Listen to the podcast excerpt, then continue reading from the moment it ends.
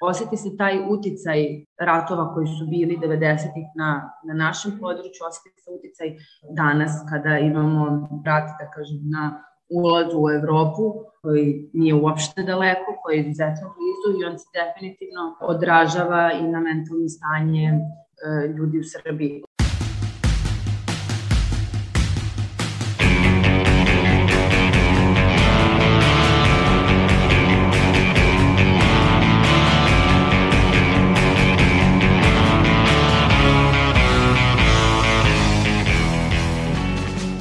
Slušate podcast Reaguj, nezavisnog društva novinara Vojvodine. Moje ime je Sanja Kosović, a na podcastu rade i Irena Čučković, Iva Gajić i Sanja Đorđević. 24. februara Rusija je započela napad na Ukrajinu. Tog četvrtka ljude širom sveta potresli su naslovi u medijima. Počeo je rat. Od tada strašne vesti o ratu u Ukrajini je skoro nemoguće zaobići, a mnogim ljudima u Srbiji i regionu su, pored uznemirenosti, ove vesti probudile i teške emocije prouzrokovane starim traumama.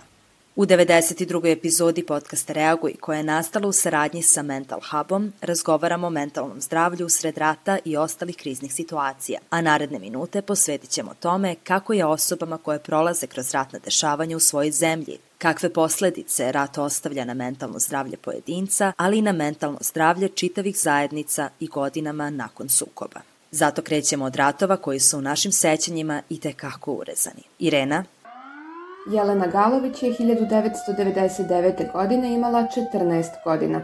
Ona kaže da je dane bombardovanja uglavnom provodila zajedno sa svojim vršnjacima. Ipak svesna je da je za druge ljude ovaj period predstavljao mnogo veću traumu. Neki od mojih prijatelja su izgubili članove porodice tokom bombardovanja, tako da je njihova vizura rata i svega toga vrlo drugačija, tako da pretpostavljam da se njima više okidača se aktivira kada, kada se uopšte pomene rat i, i tako te stvari. Tako da mislim da je, da je pitanje ličnog iskustva i koliko je neko zaista duboko traumatizovan tokom bombardovanja ili ne i kakvo iskustvo ima. Mislim, ja sam bila tineđera, tineđerka i družila sam se, izazala sam se, naravno to je bilo onako prekinuto stvarnošću sa sirenama i sad nekim momentima, naravno kad su gađali most koji je vrlo blizu tu gde, gde sam ja tad živela na limanu i onda tako ovaj, neke stvari onako te protresu u trenutku, ali ne znam da sam ja jednostavno takva, ali ja se trudim da idem dalje i da gledam šta je nekako najbolje u čitavoj situaciji. Imala sam sreću da mi niko nije poginuo i da niko nije stradao. Aleksandra Lazebnik je Ukrajinka koja živi u gradu Sumi, oko 30 km od granice sa Rusijom, koji je granatiran od samog početka invazije Rusije nad Ukrajinom. Ona je podelila svoje iskustvo u intervjuu za portal Autonomija. Occupied by Russians, And, uh, we have, uh, no food. Pod ruskom smo okupacijom, nemamo hrane. Imamo lokalnu hranu kao što su jaja i mleko. S vremena na vreme Rusi bombarduju objekte poput vodovoda, kotlarnice, struje. Uništili su i nekoliko kuća. Stradala su 22 čoveka. Umrla je jedna velika porodica od 6-7 članova. Svaki dan provodimo pola večeri na koridorima, pokušavajući da se sakrijemo od bombi. Čujemo avione. Zaista je strašno.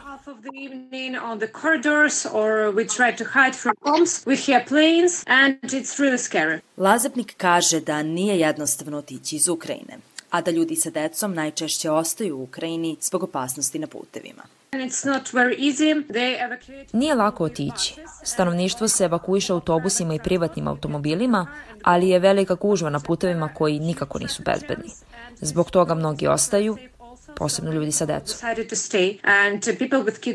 Ipak, od 250.000 ljudi u gradu Sumi, već je polovina otišla. Lazebnik prepričava kako provodi dane. I'm in maternity leave, so I don't work. Ja sam trenutno na porodiljskom odsustvu, pa ne radim. Tokom dana se trudim da vodim normalan život, da kuvam hranu. Svako jutro moj muž i ja idemo u kupovinu, ponekad nađemo mleka i jaja, ponekad ništa. Pokušavamo da uzmemo više hrane jer ne znamo šta će se desiti u narednim danima. Ona kaže da će se mentalitet Ukrajinaca promeniti i da se već polako menja.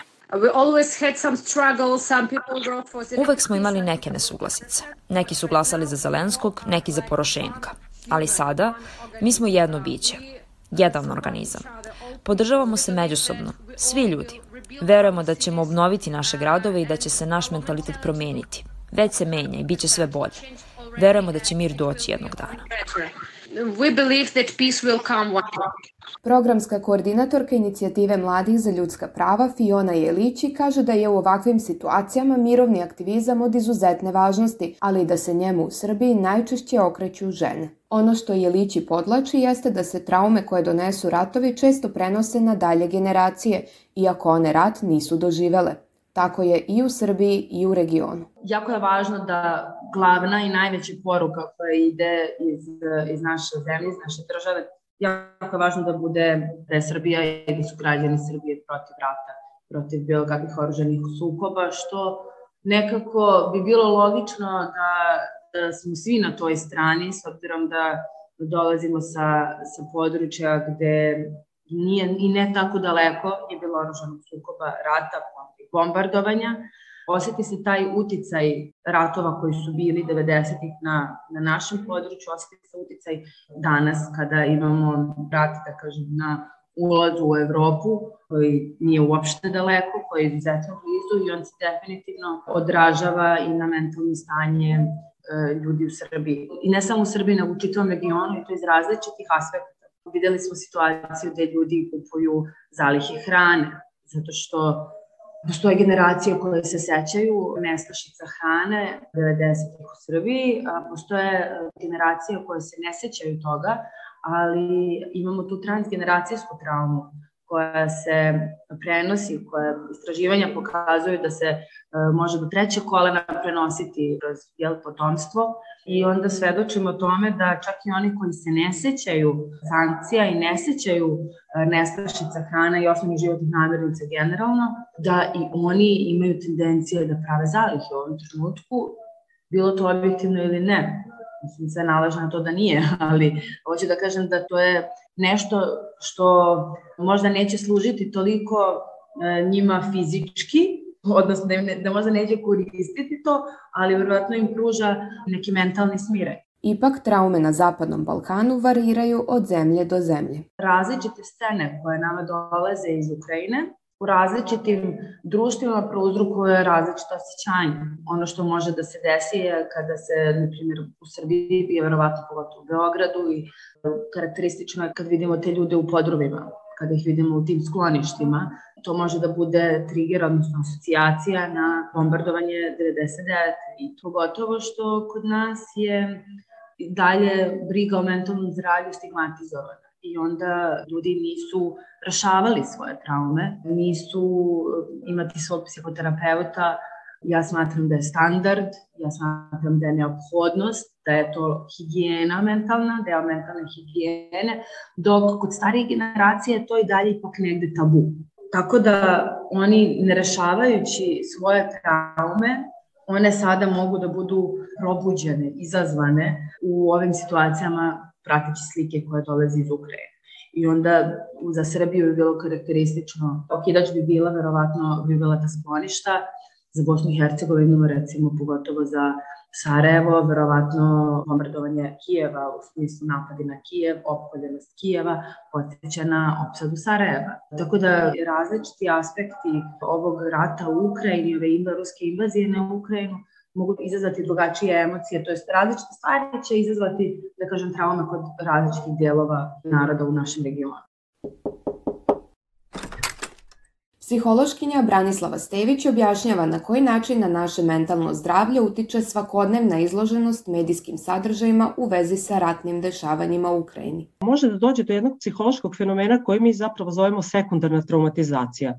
Ono što jeste činjenica je da je velika pažnja pogotovo u našoj zemlji, se obraća na svaki događaj, svako dešavanje. To praktično ide e, neko updateovanje informacija iz sata u sat. E, mi to smatramo u stvari jednom vrstom bombardovanja na i naša perceptivna čula, ali i naš mentalni balans koji svakako u nekom trenutku postoji mogućnosti da se odreaguje. Zašto je to problem? E, većina ljudi koja su praktično danas na ovom području ima nekako iskustvo rata. Ili je došlo sa ratom zahvaćenim obraćenih teritorija kao izbegli posle 90. godina ili su imali iskustvo bombardovanja 99. znači živeli smo na teritoriji Savezne Republike Jugoslavije tada i svaka pa i najmanja asocijativna mreža koja se u tom trenutku pokrene, praktično izaziva određene emocije. Nekad te emocije mogu ostati zamrznute i desetinama godina, znači 10-20 godina da ih praktično ne osetimo, ali svaki novi okidač ili nova situacija koja direktno asocira na ono što se nama nekad dešavalo, može da dovede do sekundarne traumatizacije. Odnosno da ljudi jednako intenzivno emocionalno osjećaju sve ono što su osjećali onda kada su bili u akutnoj traumatskoj ili akutnoj stresnoj situaciji. Naša sagovornica kaže i da ratna dešavanja trajno menjaju i iskustva ljudi i iskustva društva. Znači i iskustva pojedinca, ali i iskustva zajednice.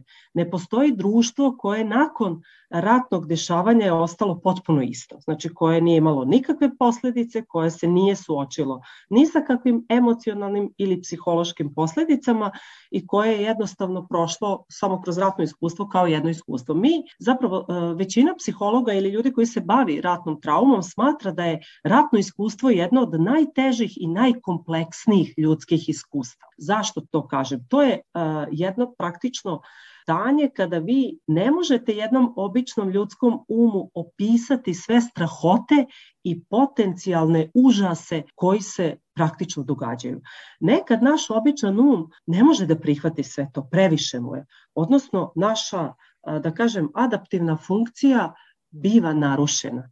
Znači, bukvalno imamo jedan slom u psihološkom smislu, pa kako pojedinac odreaguje, znači tu su jako bitni uticaj i bioloških i psihosocijalnih faktora, jednako tako će odreagovati i društvo. Mi danas imamo zapravo još uvek dosta posledica koje su direktno uzrokovane, kada govorimo o posledicama, govorimo o psihološkim posledicama u društvu, koje su direktno uzrokovane situacijom 90-ih. Jedna od tih posledica je velika prisutnost agresivnosti na svim nivoima društva, počevši od svakodnevne komunikacije. Do recimo neke agresivnosti koja podrazumeva vrlo sniženu frustracionu toleranciju, gde e, ljudi biraju da za jednu reč danas možda čak izvade oružje i ugroze nečiji život. To su te ekstremne situacije koje u stvari pre 90-ih skoro da nisu postojale. Ono što je postojalo su neki izolovani pojedinačni slučajevi, ne toliko frekventni, a to je nažalost danas u ovom društvu praktično postala svakodnevnica. Tako da društvo se na različite načine bori praktično protiv tih posledica ratnih trauma, međutim mi imamo nažalost i tu situaciju da u našem okruženju, kada govorimo o okruženju mislim na Republike bivše Jugoslavije, odnosno na Hrvatsku i Bosnu i Hercegovinu, imamo velik procenat ljudi koji izvršavaju suicid. Ni zemlja Srbija nije značajno, da kažem, uticala na prevenciju da do takvih događaja ne dođe. Ono što jeste činjenica da svako ko je imao neko ratno iskustvo ili osetio ratno dešavanje vodi neke svoje lične borbe. Velik broj i velik procenat ljudi se direktno obraća i stručnjacima, što nije bila praksa unazad recimo 30 godina, ali poslednjih 10 godina zaista jeste gde u stvari mi govorimo o prolongiranom posttraumatskom stresnom poremećaju. Znači, nekakvi stresni događaji koji su se desili pre sad već 23 ili 27-8 godina i dan danas osobe trpe posledice takvih dešavanja. Istraživački izveštaj za 2021. godinu pod nazivom Mentalno zdravlje i dobrobit izbeglice i tražilaca azila u Srbiji, mreže psihosocijalnih inovacija PIN, prikazuje psihološke teškoće osoba koje su iz različitih razloga bile primorane da napuste zemlju svog porekla. U istraživanju je učestvovala 201 izbeglica. Najveći broj učesnika poreklom je iz Sirije, zatim Afganistana i Maroka, kao i iz Irana, Iraka, Bangladeša, Pakistana, Tunisa i Kameruna. Kako se navodi u izveštaju, izbeglice, posebno one koje dolaze iz ratom pogođenih država i regiona, doživljavaju značajan broj traumatskih iskustava u svojim državama porekla. Više od polovine njih svedočilo je uništavanju, nasilju i torturi, dok je više od trećine bilo povređeno ili mučeno. Najčešće traumatske iskustva bila su fizičko nasilje, seksualno nasilje, religijski progoni, svedočenje nasilju ili ubistvima. Sa druge strane, osobe su doživljavale i ekstremne ekonomske poteškoće, iz kojih je kao posledica nastao nedostatak vode, hrane, bezbednog skloništa i drugih osnovnih potreba. Nakon što su primorani da pobegnu, izbeglice se upuštio u dugačak i opasan put tokom kojeg je vrlo verovatno da će doživeti i druga traumatska iskustva. Kako se navodi u izveštaju PINA, nakon zvaničnog zatvaranja balkanske rute u martu 2016. godine, broj onih čiji je život bio ugrožen tokom puta skočio je na 80%. Samim tim što mnogi nisu imali osnovne uslove poput vode, hrane i bezbednog skloništa. Rezultati istraživanja iz 2021. godine pokazali su da je 95 6,6% izbeglica imalo barem jedno traumatsko iskustvo tokom putovanja, dok je jedna osoba u proseku doživela 10 traumatskih iskustava. Istraživači ističu zabrinjavajući podatak da je svaka treća izbeglica tokom putovanja doživela 13 ili više traumatičnih iskustava. Psihološki skrining pokazao je da je u 2012. godini 51% izbeglica imalo simptome depresije, dok je 31% imalo anksioznost. Upravo zato smo razgovarale i sa Dragom Šapić iz pomenute mreže psihosocijalnih inovacija. Mreža psihosocijalnih inovacija pruža različite psihološke intervencije izbeglicama, u zavisnosti od toga šta je kome potrebno. Ova podrška pruža se uz pomoć prevodioca, a dostupna je i za decu. Draga Šapić iz ove organizacije navodi da je ovakva podrška od izuzetne važnosti. Mislim da je izuzetno važno da ta podrška bude dostupna, a pre svega osvrnuću se na rezultate našeg istraživanja, e, pošto sprovodimo pred proteklih šest godina e, procenjujemo mentalno zdravlje izbjeglica u Srbiji, pokazuje se da oko 80% njih ima potrebu za nekim vidom psihološke podrške, ali se daleko manji broj njih obraća za pomoć. E sad, neki s jedne strane odmah prepoznaju da im je potrebna, a drugi zbog nekih različitih kulturoloških ili rodnih normi a, oklevaju da potraže pomoć, ali srećom mi imamo zaista mnogo iskustva sa, u radu sa ranjivim osobama, pa negde sad i možemo da, im, da ih prepoznamo i da im priđemo na neki način a, koji će njima biti prihvatljiv, ali upravo to, da te podrške nema već na terenu, da mi nismo ti akteri koji se, e, čiji je to zadatak zapravo, mislim da bi e, te neke teškoće i traume koje su osobe doživele u stvari mnogo teže prolazili ili proživljavali. Naravno ima ljudi koji nisu spremni da o svojim teškim iskustvima govore ili ne žele da ih obrađuju, posebno ako se nalaze u Srbiji u kojoj možda ne žele da ostanu dugoročno, ali mislim da je jako važno da ta opcija postoji i da se negde i to destigmatizuje, jer iz druge strane u radu u prihvatnim i azilnim centrima postoji veliki broj organizacija zapravo koji pružaju različite usluge i onda su i psiholozi zapravo tu jedni od uh, mnogih ili jedni od više uh, organizacija i profesija i onda mislim da se i tu možda smanjuje ta neka stigma kao ne, ne idem u ordinaciju kod psihologa koji će sad, svi će misliti da sam lud, već kao tražim podršku koju isto tako tražim od pravnih zastupnika ili od socijalnih radnika ili od nekih drugih ljudi. Tako da e, mislim da je tu jako važno to e, iskustvo u radu sa ugroženim grupama, a posebno da se uzme u obzir e, taj aspekt kulture koji mislim da je jako važan za, za izbjeglice konkretno. Podrška koju izbeglice dobijaju mora biti sveobuhvatna kako bi bila efikasna. Pa, njihova iskustva su teška, naravno i njihovi e, traumatski doživlje i e, događaji se razlikuju po e, obliku, po dužini trajanja, razlikuju se po težini, ali čini mi se da bez obzira na to koje iskustva su doživjeli, zapravo svima im je potrebna neka vrsta podrške koja će dovesti do toga da ponovo stave svoj život na noge manje više i da mogu da žive dostojanstveno u miru. Mislim da je to apsolutno zajednički cilj za sve. A, da, da, tako da mogu da kažem da nijedan tip podrške po sebi nije dovoljan, dakle individualan, a, već e, mislim da je neophodno da recimo i psiholozi, pravnici, socijalni radnici i drugi akteri treba da rade u timu kako bi osoba e, dobila tu neku sveobuhvatnu podršku. Jer sad, e, ako govorimo konkretno o psihološkoj podršci, u tom radu se osim nekih psiholoških sadržaja javljaju i različiti problemi življenja sa kojima se izbeglice redovno suočavaju, kao što su, ne znam, problemi u centrima u kojima žive, izazovi u postupku azila, radne dozvole, pa potom traženje posla, preseljenje na privatnu adresu, e, učenje jezika. E, tako da je zapravo mislim da je izbeglicama potrebna sveobuhvatna podrška i neka vrsta programa koji će zapravo na individualizovan način pristupati osobi i e, svim njenim potrebama kad je u pitanju na prilagođavanje na život u Srbiji, a čiji je psihološka podrška zapravo sastavni deo.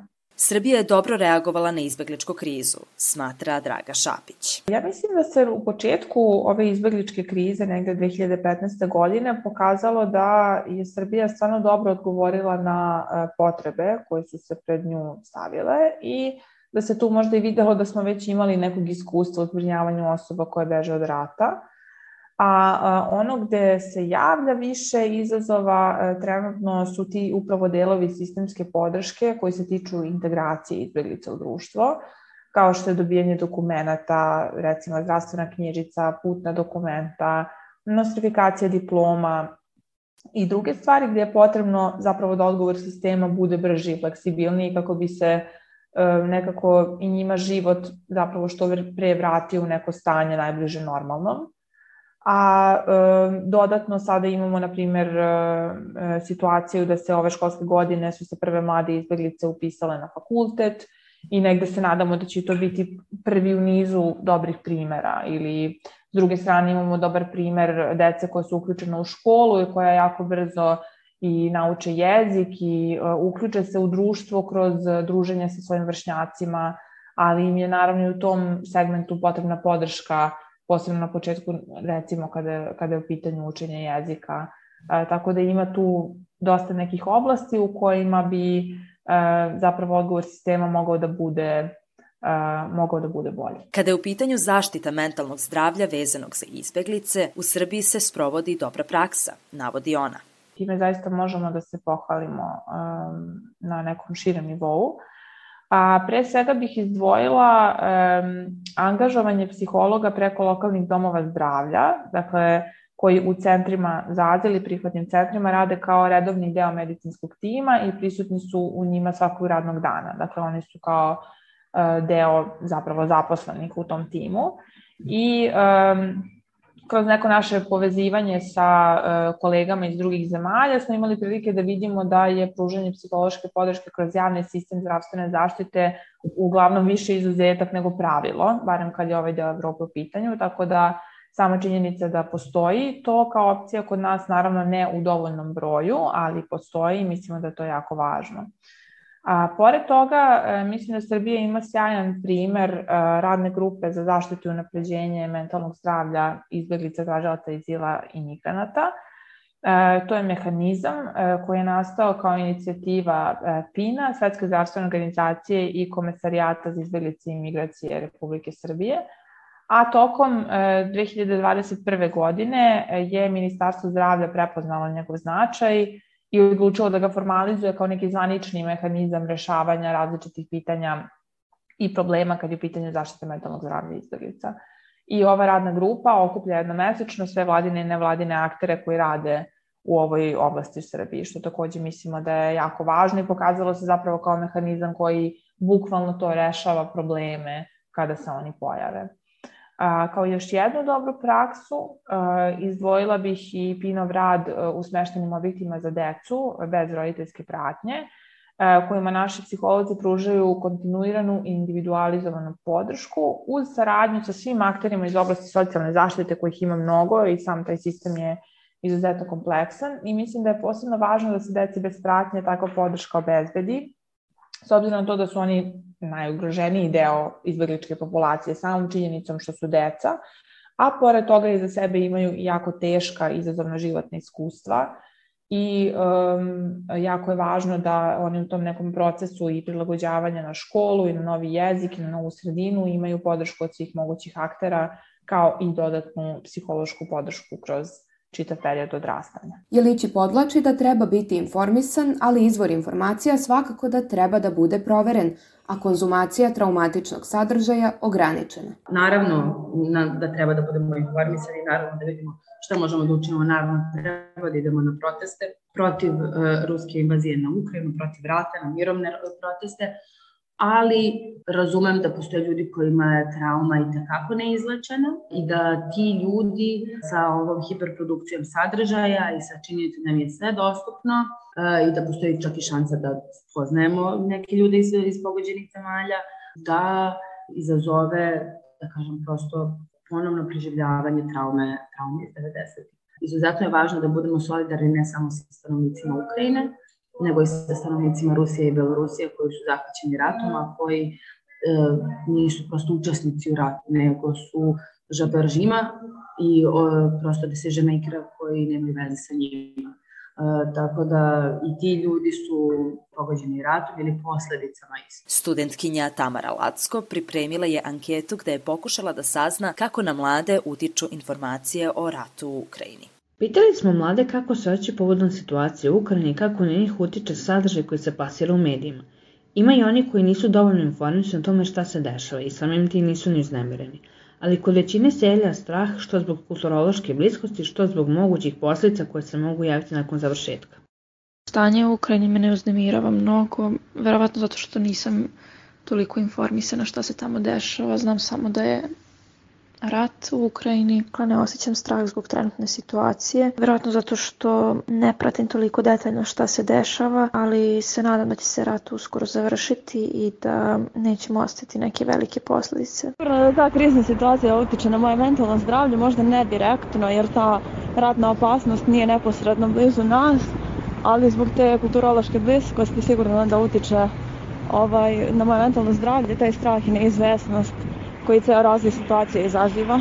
Pa ranije su imale mnogo veći uticaj na mene i moje stanje, međutim godinama idem na terapiju i radim na sebi i pokušavam da naučim da kontrolišem sve svoje emocije, dobre i loše, kako bih mogao da vladam ja svakom situacijom, a ne situacija da vladam mnom pokušavam da filtriram sadržaj koji želim da pratim i sve ono što mi nije interesantno ili nije blisko, samo preskočim. Sve ove krizne situacije prehodne, pre svega mislim na rat u Ukrajini, su na mene uticale, rekao bih dvojako.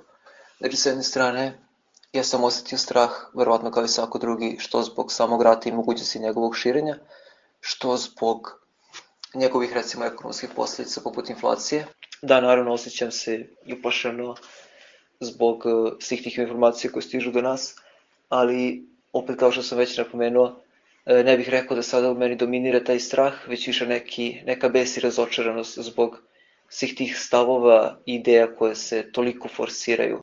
Ono što Fiona Jelići iz inicijative Mladih za ljudska prava ističe kao problem jeste činjenica da mladi nemaju potrebno obrazovanje o ratovima iz 90-ih. Postoji nekoliko načina koji ljudi pribegavaju u suočavanju sa tom ratnom prošlošću. Mi kao civilno društvo ili kao inicijativa mladih za ljudska prava, mi zagovaramo da se o tome više uči, razgovara i da se s tim suočava jer u trenutku kada mi mlade ljude i decu obrazujemo na temu ratova 90-ih, u kojima se oni ne mogu obrazovati iz standardnih udžbenika. Ti imaš udžbenike u kojima su određeni istorijski događaji kao što je genocid u Srebrenici, kao što je opsada Sarajeva, na primjer neki tako događaji koji su i takako poznati, o kojima se zna, o kojima postoje presude, ne postoje u našim udžbenicima. Tako da obrazovanje mladih je jedna od važnijih stvari. Nesuočavanje sa prošlošću može dovesti do ponavljanja događaja koje želimo da zaboravimo. Nismo se suočali sa ratnom prošlošću i smatramo da treba da se suočimo e, jer ono što ne znamo i ono što ne spominjemo i ono što se trudimo da kao zaboravimo predstavlja rizik da se nešto slično ponovi u budućnosti. Dakle, cilj svega je da se takve stvari ne ponavljaju u budućnosti. Neki nisu verovali da može rat kao takav u ovakvom obimu da se desi u Evropi. Kad kažem nisu verovali, mislim nismo mi, niko nije verovao, jel? Znači, smo, ili smo svi bili neopravdani uh, optimisti ili zaista smo mislili da je to nešto što je bar u Evropi ostavljeno u 20. veku, međutim sada ćemo suprotno. Nije definitivno ostavljeno u 20. veku na svetu, zato što i takako su ljudi stradali i buktali su ratovi koji bukte i dalje na različitim kontinentima, samo je ovaj blizu.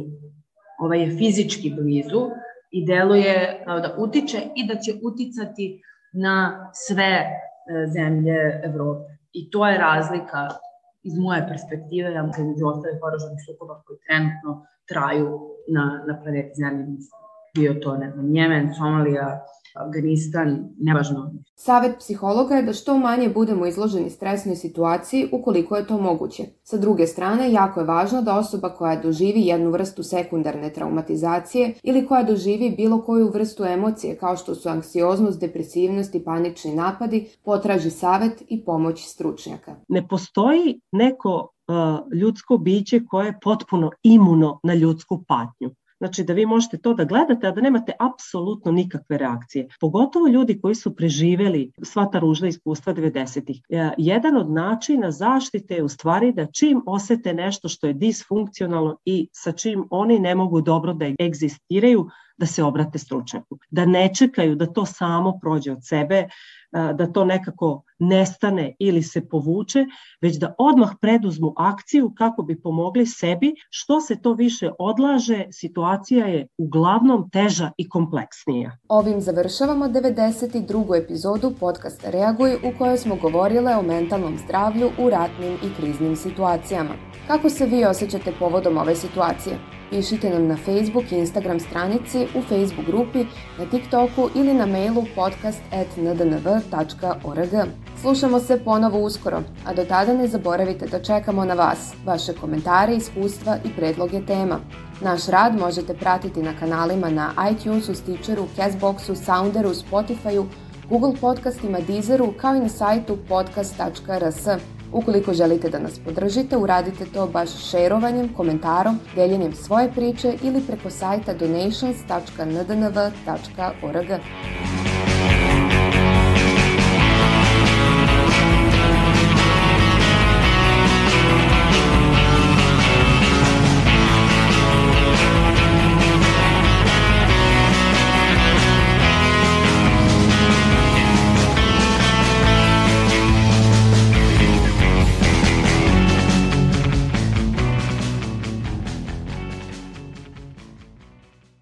Podcast je nastao u okviru projekta Povezivanje ka većoj vidljivosti organizacija civilnog društva i većem učešću građana, koje realizuje Fondacija Ana i Vlade Divac uz podršku Balkanskog fonda za demokratiju, Nemačkog maršalovog fonda Sjedinjenih američkih država.